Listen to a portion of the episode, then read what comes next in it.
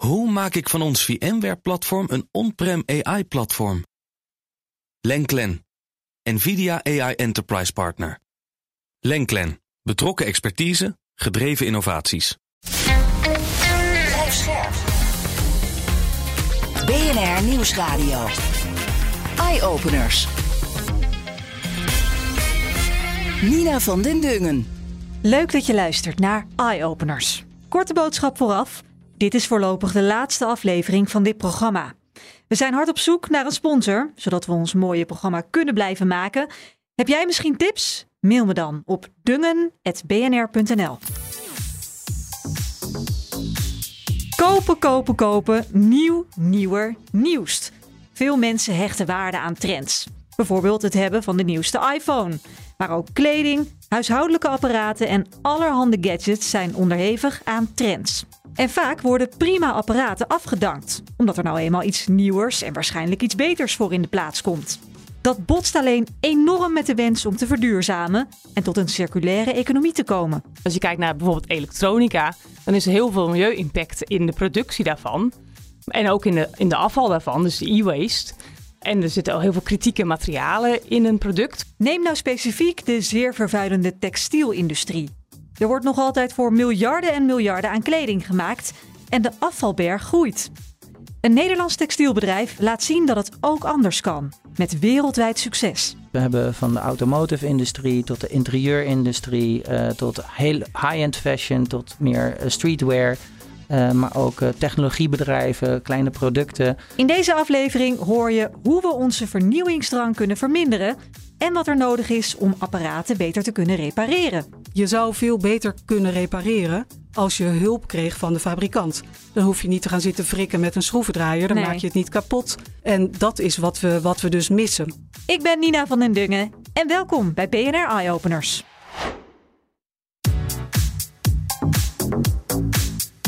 De textielindustrie is een van de meest vervuilende industrieën ter wereld.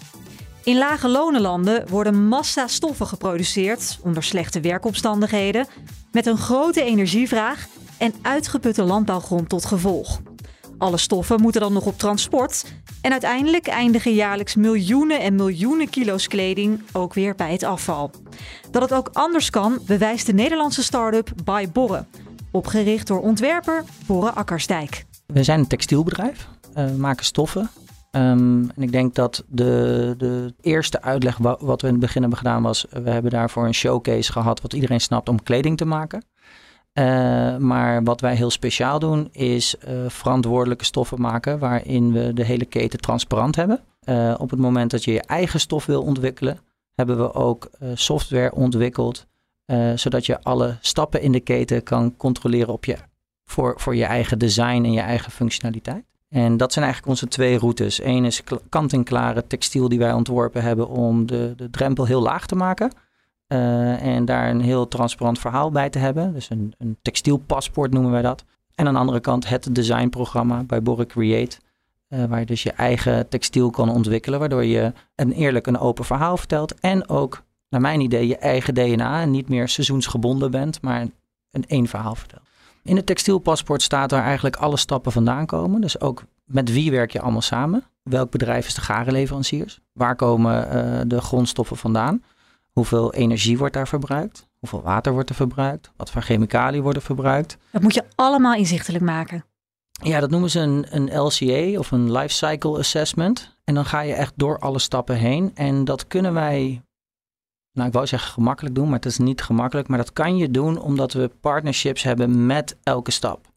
En als je dat niet hebt en niet iedereen meepakt op het podium en er een spotlight op zet, worden die deuren gesloten. Ja, ja. En als je geld wil verdienen of, of, of als je mensen wil uitknijpen, ga je natuurlijk niet vertellen waar het vandaan komt. Nee. En dat is een beetje de theorie is alles moet open en dan kan je eerlijk dat verhaal vertellen.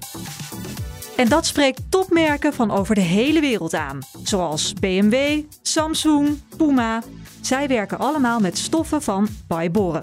Het is een industrie die, die met de industriële revolutie is opgeschaald. Dat is iets wat we elke dag gebruiken. Wat ik heel intrigerend vind is dat het eigenlijk voor de industriële revolutie was textiel ontiegelijk eh, waardevol. Eh, als je de bruidsschat eh, met textiel was meer waard dan een huis. Ehm, is opgeschaald voor iedereen en alles. En, en is daardoor eigenlijk een, eh, een, eh, een commodity of een, massaproduct. een alledaags massaproduct geworden. Mhm. Ehm, waardoor het ook nu eh, gebruikt wordt als een wegwerpproduct. En ik Een denk, t-shirt kan je na een jaar prima vervangen, weggooien. ja, sterker nog, ik denk dat als je een event hebt of, oh ja, we hebben oud en nieuw, ik koop even iets hiervoor. Het is een beetje als een broodje. En het kost ook zoveel als een broodje. Het enige is dat er de stappen om tot het product te kopen gaan over vele continenten vaak. En, Ja, eh, het begint op de katoenplantages, hè? Ehm, bijvoorbeeld, eh, je hebt allemaal verschillende grondstoffen eh, die over de hele wereld op verschillende plekken. Dus dat kan gegroeid zijn natuurlijk of het kan door de mens gemaakt zijn of uit olie. En ehm, ja, er zitten dus ontiegelijk veel energie, stappen, reizen, eh, alles tussen voordat je een product krijgt. En ik denk dat, de, dat daar de bewustwording dat die heel ver te zoeken is. En wat verander jij in die hele, in die hele keten? Nou, ik denk dat we in eerste instantie het voor onszelf eh, toegankelijk hebben gemaakt. Dus, dus door heel veel jaren echt in de keten te gaan kijken welke stappen vind ik belangrijk. Door het eigenlijk heel klein te maken. Ehm, controle te hebben over te, of te snappen waar komen de grondstoffen vandaan. Hoe worden van die grondstoffen garens gemaakt? Dat zijn de, de stappen om, om daarna eh, eh, stof te kunnen maken. Ja, de draden, dat maak je met garen. Ja. E- Exact. Maar wat voor machines gebruik je daarbij? Dus de, de contacten en de dialoog met de machine. En op het moment dat je er invloed in hebt, maak je dus ook andere type textiel. Dus Mhm. eigenlijk door elk stapje te kunnen controleren voor onszelf, konden we onze eigen, onze eigen ideeën, onze eigen DNA daarin in stoppen. En eh, konden we ook controleren eh, wat, waar het vandaan kwam. Dat konden we vertellen. Een transparant verhaal vertellen. We Ja. konden de samenwerkingen van de garenleveranciers, van de machinebouwers, van de naaldenleveranciers, van de mensen die het in elkaar zetten, konden we allemaal vertellen. En omdat we niet zo groot waren dat we dat eh, allemaal konden afbetalen, even plat gezegd, vertelden we een eerlijk verhaal. Want we werkten samen. En doordat we dat deden, werd dat eigenlijk opgepakt als: hey, deze, deze, eh, dit bedrijf en deze, deze groep van mensen ehm, zijn transparant over wat ze deden. En, en, en wat Terwijl ze je doen. niet veel duurzamer was dan de conculega's dus. Want jij haalt op dezelfde plantages jouw materialen. In, in theorie haal je op dezelfde plekken je grondstoffen. In theorie werk je met dezelfde fabrieken. Alleen je maakt wel keuzes. Want er zijn een heleboel plekken waar je dat kan doen. En omdat je het in dialoog doet, ga je wel kiezen welke is open, Beter. welke is beter, welke, waar voel ik me oké bij. Ja, want heel veel hè, van jouw collega's kijken dan natuurlijk naar prijs. Want het moet allemaal betaalbaar zijn. Was dat voor jou een belangrijke factor? Of zeg je nee, voor mij was juist belangrijk dat ik een goed gevoel had bij die mensen. Dat, dat ik weet dat het duurzamer kan. Dat ze hun, hun mensen beter betalen. Nou, in eerste instantie ging het helemaal niet over schaal, want ik was de industrie aan het onderzoeken. Ik was meer een, een, een consultant, ik was iemand die onderzoek deed. Dus, en dan gaat het nooit over schaal. Dus door het heel klein te maken, kon je het heel puur maken. En doordat dat ging groeien, op een gegeven moment dat we daarin uitvindingen deden, dat we stapjes oversloegen of daar kleine softwareprogramma's voor schreven om het makkelijker te maken, zagen we dat we een, een specialer en een, en een meer toegepast product konden maken, functioneler, eh, esthetisch eh, anders. Ehm, en dat werd verkocht en daar kwam interesse op. En toen hadden mensen iets van, hey, dat is speciaal. Terwijl eigenlijk wat we deden was dat we het productieproces, alle stapjes uittekenden, alle stapjes toegankelijk maakten en eh, daarin een, een nieuw proces maakten waar je op elke stap invloed had. En, en eh, later is dat een designprogramma geworden. En gingen we dat echt ook openstellen. Het bedrijf Byborren is nu een mix van een tech- en een textielbedrijf. Ze maken hun eigen textielgarens. Ze hebben dus een eigen ontwerptool waarmee klanten hun designs kunnen maken. Daarover hoor je straks meer. Eerst even naar Rut Muggen, hoogleraar Design for Sustainable Consumer Behavior aan de TU Delft. Zij houdt zich bezig met de vraag: hoe zorg je dat er al tijdens het bedenken van een nieuw product rekening wordt gehouden met hoe de consument ermee om zal gaan? Nou, dat houdt in dat we onderzoek doen naar hoe mensen zich gedragen allereerst. En hoe we dat door middel van designinterventies, dus ja, eigenlijk aanpassingen aan het ontwerp van een product of maar ook een service, dit kunnen stimuleren in meer duurzaam gedrag. Oké, en jij pleit ervoor, onder andere, om tijdens het bedenken van nieuwe producten, het designen, om dan al bezig te zijn met consumentengedrag. Hè? Dus hoe duurzaam gaat de consument om met dit product dat we nu bedenken? Zeker, zeker. Dus inderdaad in het designproces al meenemen van wat gaat er nou allemaal gebeuren met het product, wat eventueel ook gewoon ja, vervelend kan zijn voor het milieu. Dus denk aan een product kan, kan defect gaan halverwege of kan wat problemen hebben, bijvoorbeeld door gebrekkig onderhoud. Hoe kan je dat nou voorkomen door die consument dus al te stimuleren om onderhoud te plegen, maar eventueel als het echt defect is om ook te laten repareren. Ja, en dan zou je dat kunnen zeggen van nou, dat zou heel duurzaam zijn als de consument dat doet. Maar wanneer zeg je, kun je nou echt spreken van duurzaam consumentengedrag? Nou, duurzaam consumentengedrag houdt eigenlijk in dat, uh, dat de milieu-impact lager is. En als je kijkt naar bijvoorbeeld elektronica, dan is er heel veel milieu-impact in de productie daarvan. En ook in de, in de afval daarvan, dus de e-waste. Uh, en er zitten al heel veel kritieke materialen in een product, wat mm -hmm. uiteindelijk ja, beperkt aanwezig is op deze aarde. Dus als je langer met een product gaat, zal doen, is dat in de meeste gevallen beter voor het milieu. Ja, het klinkt allemaal heel logisch, maar ik als argeloze consument sta daar natuurlijk eigenlijk niet bij stil. Nee, Hoe is, is het gemaakt? Hoe duurzaam is dit? Hoe lang gaat het mee? Daar denk ik niet direct over na als ik een uh, nieuwe t-shirt koop of een um, nieuwe computer. Ja, nee, en dat is inderdaad iets waar wij dus inderdaad mee bezig zijn. Met hoe kunnen we nou zorgen dat die consument zich daar wel bewust mee is. Oké, okay, dus, en is er een heilige graal? Nou, een heilige graal vind ik wat, wat misschien wat extreem gesteld. Maar er zijn zeker dingen die je inderdaad uh, mee kan nemen. Uh, als ik kijk naar bijvoorbeeld naar onderhoud dan kunnen we zeggen van goh, dat is eigenlijk een gedragsverandering die je bij mensen wil, teweeg wil brengen. Dus je wil ze stimuleren om regelmatig onderhoud te plegen aan hun producten, om zo potentiële defecten te voorkomen.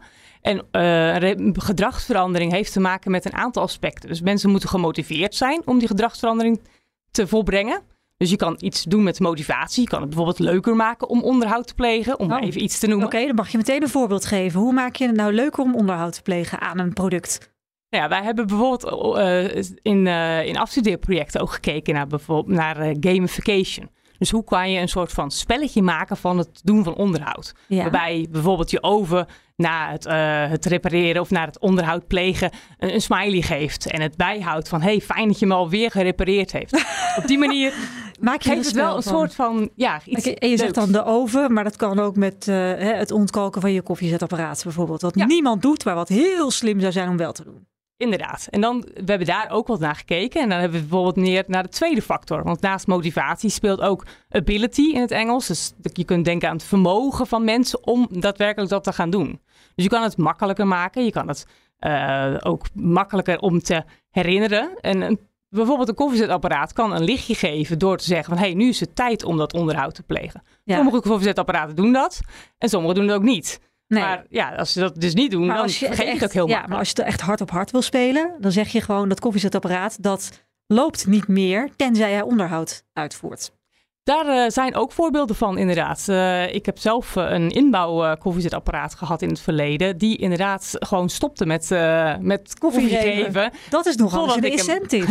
het is wel negatief, maar het is wel een incentive ja, natuurlijk. Ja, zeker. Dus dat is ook inderdaad een, uiteindelijk een ontwerpinterventie die je kan kan implementeren. Al wordt die inderdaad ook wel wat negatief beoordeeld, mm. eventueel. Kijk, het is natuurlijk heel nuttig om over na te denken, maar uiteindelijk ligt die keus bij de producenten. En de producenten hebben een heel groot belang, meer verkopen. Dus hoe eerder ik mijn koffiezetapparaat vervang, hoe beter het voor de producent is. Ja, ik vind dat altijd een wat negatieve benadering van, van producenten. Het is een hele realistische benadering. nou, ik heb ook wel andere gesprekken met uh, producenten, eerlijkheid. Maar, ja, maar zeg jij, dit, dit is gewoon niet waar. Dit is niet meer hoe de gemiddelde producent denkt. Um, ja, laat ik zo zeggen. Degene die ik spreek, die hebben een heel ander verhaal. En dat kan natuurlijk ook te maken zijn met, met wie ik spreek. Dus ik wil niet zeggen dat ze allemaal zo denken. Maar er zijn ook wel heel veel waarden aan het merk bijvoorbeeld. Dus als je kijkt naar uh, de merkwaarde en gewoon een goed product op de markt zetten, wat uiteindelijk gewoon weinig faalt en wat waar je een goede relatie met je consument opbouwt mm -hmm. en daardoor een mooi merk neerzet, heeft ook zeer veel waarde voor, voor bedrijven. Ja. Dus ik zie dat ook echt wel dat bedrijven daar bezig, mee bezig zijn met hoe kunnen we die consument nou tevreden stellen door een lange levensduur te bieden, maar ook door inderdaad eventuele defecten te kunnen voorkomen en ze daar ook positief uh, in uh, te helpen. Ja. En een ander punt, uh, wat jij ook eerder hebt genoemd, is als er iets kapot gaat hè, aan een product, laten we zeggen een stofzuiger, dat er dan ook wel duidelijk moet zijn wat er dan kapot is, zodat een consument het of zelf kan repareren, of met een heel duidelijke foutcode of iets hè, naar een reparateur kan gaan. Ja, zeker. Daar hebben we inderdaad recentelijk onderzoek gedaan met een aantal collega's over inderdaad zo'n foutindicatie van kan, kan dat nou helpen? Want we zien toch dat mensen heel vaak reparatie niet eens overwegen. Dus het ding gaat kapot en dan wordt het automatisch al vervangen. Dus hoe kan je nou zorgen dat in ieder geval die overweging van hey, kan ik hier iets mee? Dat dat gestimuleerd wordt. Mhm. En we hebben daarna, daarbij na- naar een foutindicatie gekeken. En die foutindicatie hielp dus inderdaad. Dus die bereidheid om te kijken van is reparatie een optie werd veel hoger als we een foutindicatie in bijvoorbeeld een koffiezetapparaat, maar ook in een eh, draagbare stofzuiger eh, eh, en een, ehm, en een gewone stofzuiger hadden we ook meegenomen. Ja. Dus al die producten, dat, daar hielp het zeker bij. Ja, want daar is dat nu nog niet het geval. Je Nee. ziet het nu vooral in wasmachines, hè, de foutcode afwasmachines. Dat is normaal, maar ook bij een koelkast heb ik in elk geval nooit een foutcode gezien. Nee. nee, dat is inderdaad nog ongebruikelijk voor Ja. heel veel andere producten, terwijl het daar wel kan helpen. Is dat voor een producent een, nou, toch wel een stukje duurder om dit soort tools erin te gaan verwerken? Lichtjes die gaan branden, foutcodes, misschien zelfs een smiley als ik hem onderhoud. Ik kan me voorstellen dat het wel wat kost. Nou, uiteindelijk eh, moet het natuurlijk ontworpen worden en zijn er sensoren bij nodig. Ehm desalniettemin zijn er steeds meer, en zeker op de toekomstgerichte producten, die hebben een Internet of Things producten. Dus dat zijn producten die sowieso al ge- geconnecteerd zijn met het internet. En dan is dit niet een zo'n gigantische grote verandering eh, in, eh, de, ja, in het design van de producten. Dus ik vermoed dat, ik verwacht dat de kosten toename best beperkt zou zijn. Ja, en daarbij dan wordt het waarschijnlijk gewoon alsnog doorberekend aan de consument. Want ja, het product is wat duurder om te maken, maar gaat hopelijk ook langer mee. Inderdaad. Ja. Dus dan heb je toch uiteindelijk als consument daar een voordeel van. Ja, het is natuurlijk heel mooi om na te denken over hoe je de gebruiksduur, de levensduur verlengt van, van producten, zeker producten die we vaak gebruiken. Aan de andere kant, er worden gewoon heel veel mooie nieuwe dingen gemaakt. Ook vaak met een goed verhaal erbij, want dat vinden consumenten nu fijn. Hè? We horen dat het duurzamer is, dat het langer meegaat. Ja, dat zijn dan vaak dingen die je wil hebben. Hè? En dan kunnen we het zeker ook bijvoorbeeld hebben over smartphones. Ehm, iedere twee, drie jaar vervangt de gemiddelde persoon nu zijn smartphone, omdat er betere camera's in zitten. En is het ook fijn om er nog iets bij te horen over dat die ook duurzamer gemaakt is. Maar dat is vaak niet de eerste reden waarom iemand dan iets koopt. Kan je daar ook over nadenken om dat te gaan veranderen? Dat daar een soort twist bij mensen komt in het hoofd. Ja, ja we, we zijn er zeker mee bezig en op een aantal verschillende manieren zou ik zeggen. Allereerst proberen we dat die tijd waar- waarbij mensen zeggen van nou, ik heb nu alweer, eh, het is nu tijd voor een nieuw product, eh, een nieuwe smartphone, dat we die kunnen verlengen. Dus eh, je kunt bijvoorbeeld inderdaad met mensen spelen van goh, hoe, ehm, nou ja, we, we zijn bijvoorbeeld bezig met een testprogramma om te kijken van goh, kunnen we aan, bij de aankoop van producten al een soort van indicatie geven van dat dit product heel lang meegaat. Nou ja, als je weet dat een smartphone echt heel lang meegaat, dan is het best raar om die na twee jaar al te vervangen. Maar dan moet je Dus dat kwantificeren, neem ik aan. Dan zeg je heel lang, dat, is, dat weet niemand hoe lang dat is. Maar als je zegt zeven jaar, dan wordt het ineens duidelijk in mijn hoofd. Ja, dat, dat zou bijvoorbeeld kunnen. Daar, eh, daar zijn we, de details zijn we nog mee bezig. en het hangt natuurlijk van de productcategorie af of dat inderdaad een jaartal is of niet. Want Mhm. soms is het ook meer hoe vaak gebruik je hem. Eh, maar voor een smartphone zou inderdaad een aantal jaren kunnen. Ehm, dus dat is een optie. Eh, een andere optie zou zijn om inderdaad via design weer, want uiteindelijk is dat mijn expertise, ook producten wat opener te ontwerpen. Dus in plaats van een product te ontwerpen wat gewoon eigenlijk vaststaat en niet meer aangepast kan worden, dat je een meer open, modulair design maakt, waarbij ook dingen aangepast Onderdelen kan vervangen. Ja, een beetje met de Fairphone. Ja, een mooi voorbeeld is de Fairphone, die inderdaad een nieuwe en verbeterde camera toegevoegd kan, eh, kan worden later. Nieuwe accu, nieuw scherm. Ja. ja. Ja, en daarmee, als je dus meer in modules gaat ontwerpen, dan kun je iemand al stimuleren om alleen een onderdeeltje te vervangen. Ja, en op die manier dus ook eh, minder milieu-impact hebben met hun consumptie. Ja, en is dat dus, want we hebben het nu over smartphones, maar is dat op veel meer eh, andere huishoudelijke apparaten van, eh, van toepassing? Ja, dat zou best breder in geïmplementeerd kunnen worden, maar dat is inderdaad nu nog niet het geval. Dus dat moet echt inderdaad via het design van die, die producten geïmplementeerd worden. Maar dat kan zeker. Even terug naar het technologische textielbedrijf van Borre Akkersdijk. Een van de zaken die ze digitaliseerden was de manier van het proefdrukken van textiel. Want dat kon veel efficiënter. Eigenlijk doordat wij zijn gaan kijken van oké, als je het kan digitaliseren, als je het eh, ehm, eerst in een WYSIWYG, what you see is what you get editor zet, zodat je samples eerst digitaal ziet voordat je ze ging maken. Dat soort dingen hadden we helemaal geen toegang toe. Dus toen we dat zijn gaan maken, ging ik van 30 samples keer 15 meter in een, in een fabriek. Dus dan had je 450 meter afval of 300 lag er een beetje aan hoeveel samples je maakte. Gingen we nu ineens naar, nou ja, 30 digitale samples, waarvan we er 8 maakten die maar 1 meter waren. Mhm. En dan konden we, kunnen we een keuze maken. Het was gewoon efficiëntieslagen maken. En het toegankelijk maken. En het gewoon naar het nu trekken. Zoals we ook met al onze digitale designproducten bezig waren.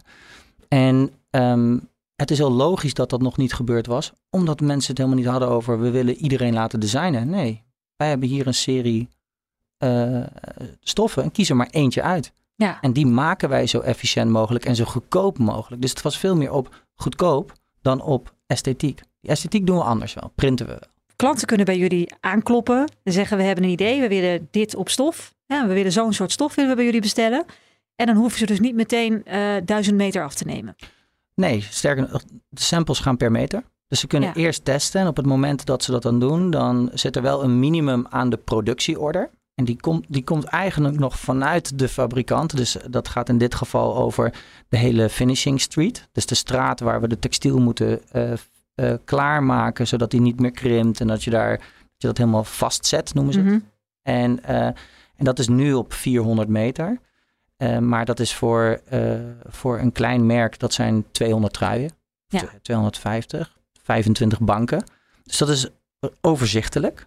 Ja, het Eh. zijn kleine orders die geplaatst kunnen worden. Ja, je kan het heel eh, overzichtelijk maken. Terwijl ik eerder, in het begin, was het gewoon... Oh ja, als je 300 meter afval en sampling maakt... Nou ja, dan moet je minimaal 3 kilometer stof afnemen. Ja, Dat is, dat is geen start meer. nee. Wat voor klanten hebben jullie zoal? Nou ja, als je kijkt, waar, waar wordt textiel gebruikt? Dan heb je het al over alles. Dus interieur, eh, mo- mobility, eh, kleding. eh, Stoelbekleding in de auto's. bijvoorbeeld. Ja, ja. Dus, eh, dus we hebben van de automotive industrie tot de interieurindustrie, eh, tot heel high-end fashion, tot meer eh, streetwear. maar ook technologiebedrijven, kleine producten. Ehm, en dan zien we dat we eigenlijk in al die markten echt de, de topbedrijven die ook over innovatie nadenken, die over vooruitgang nadenken, dat die bij ons aankloppen. Je maakt van alles. Je hebt kleding gemaakt, maar je maakt dus ook allemaal stoffen voor meubilair. Wat gebeurt er met die stoffen als ze aan het einde van de levensduur zijn? Ik denk dat, denk dat dat wel een hele goede vraag is. Ik denk ook dat het de vraag is die, die in, in een zeker opzicht ook te vroeg komt. Omdat eh, we nu heel vaak daar nog helemaal geen systemen voor hebben gemaakt. Eh betekent niet dat de vraag niet gesteld moet worden, want dat is één. Maar dus het antwoord is wat lastiger. En ook omdat we zien dat er een heleboel...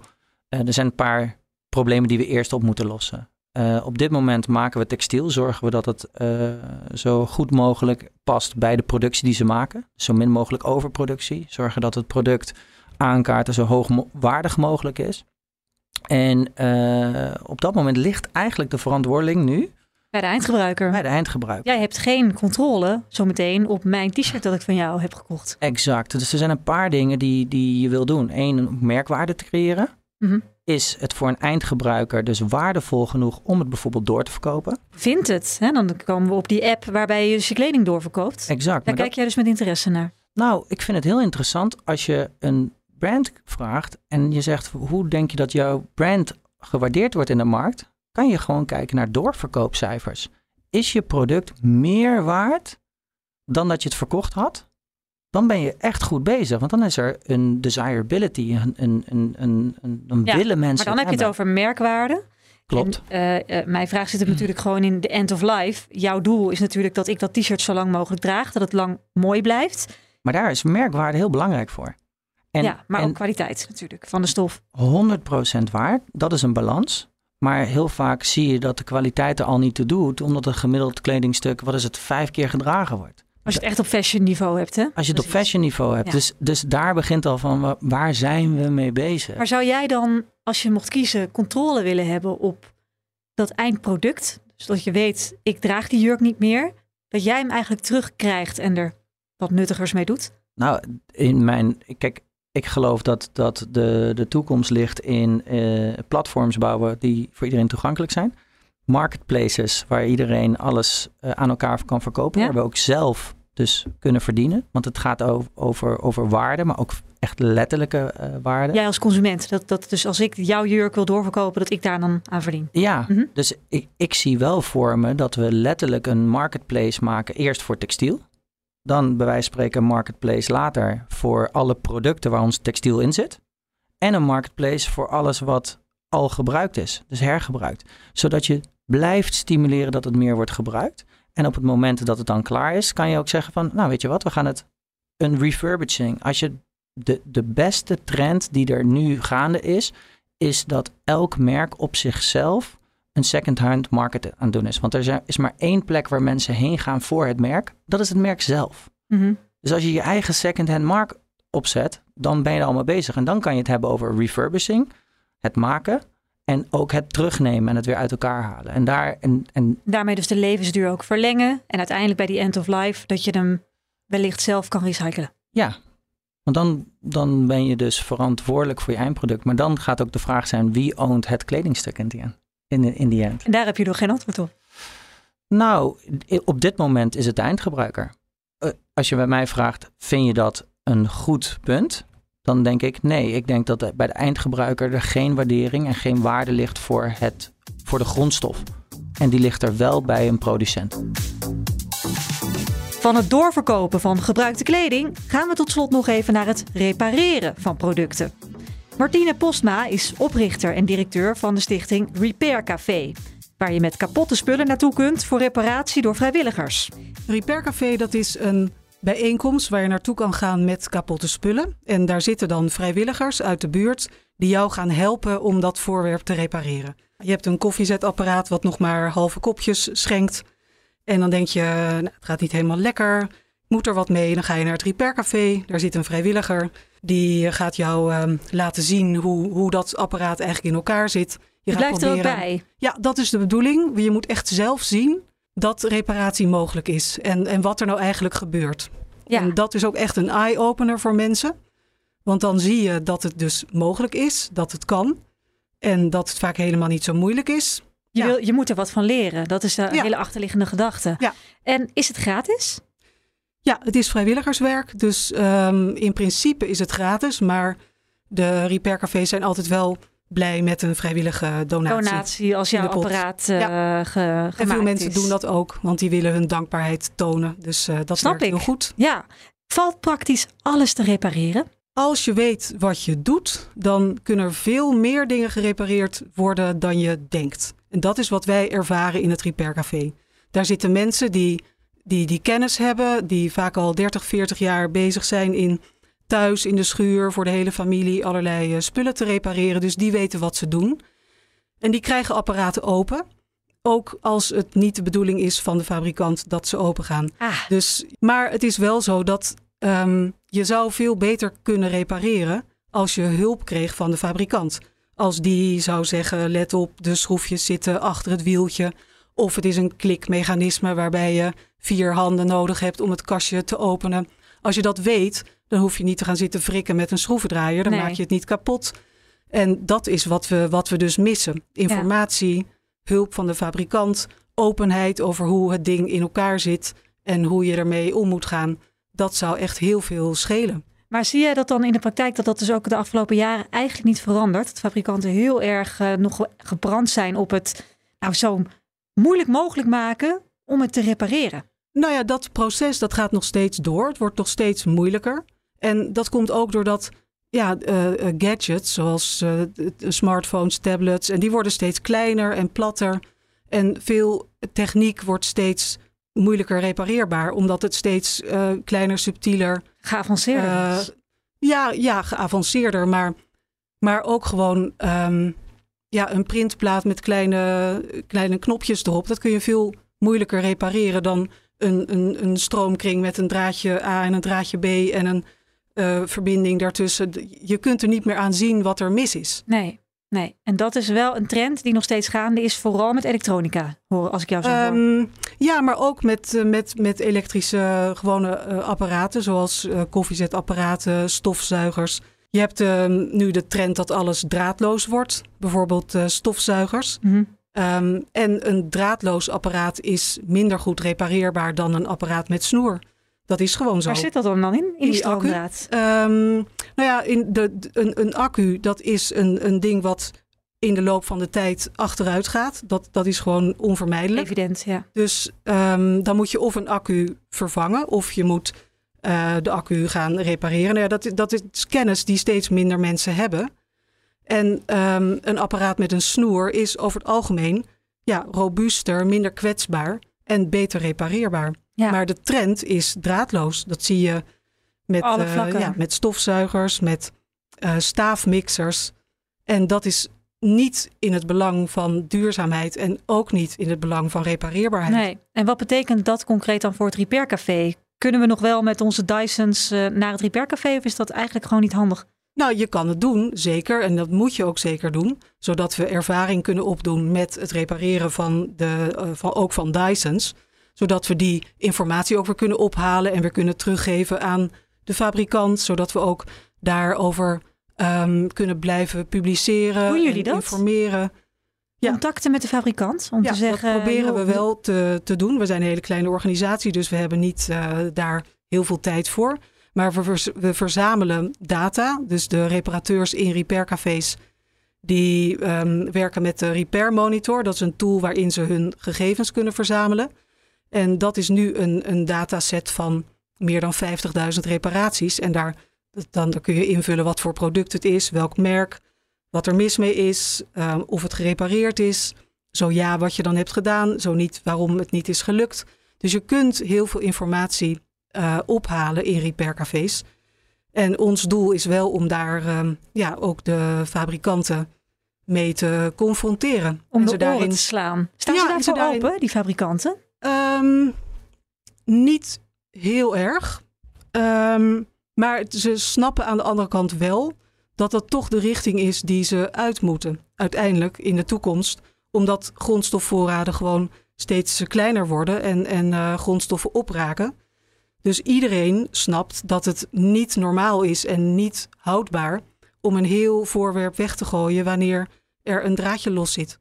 Of Nee. wanneer er stof voor de lens zit. Nee, maar ja, vaak hebben die fabrikanten ook hun eigen reparateurs, of in elk geval services, waarin ze dat aanbieden, tegen een flink bedrag. Ja. Dus ik kan me voorstellen dat ze dan zoiets hebben van dat, van dat repaircafé moeten wij niks hebben. Nee, nou ja, we zijn nu nog relatief klein. Dus eh, zolang veel fabrikanten zien ons wel als een. We zijn aaibaar en, en schattig en, en sympathiek. Dus niemand kan tegen Repaircafé zijn. Maar ehm, wat de betekenis van Repaircafé is wel dat mensen willen kunnen repareren. Dat toont het succes van Repaircafé ook aan. Wij groeien al, al eh, 13 jaar. Ja. En Er zijn nu wereldwijd meer dan eh, 2600 repaircafés. Dus dat geeft ook aan dat uiteindelijk producten zo gefabriceerd moeten worden dat je ze kunt repareren. Wat dat betreft ben je ook met jouw beweging, zal ik maar even zeggen, bezig om fabrikanten daarop te wijzen. Ja. En om de noodzaak daarvan aan te tonen. Absoluut. Ja. Dan komen we natuurlijk ook bij die consument, die zeker bijvoorbeeld met elektronica gewend is, dat het na twee, drie jaar, ja, dan zijn ze wel toe aan iets nieuws. Dan moet gewoon die smartphone moet eruit en er moet een nieuwe in. Denk je dat de cultuur van het nieuwe willen kopen, dat dat ooit verandert?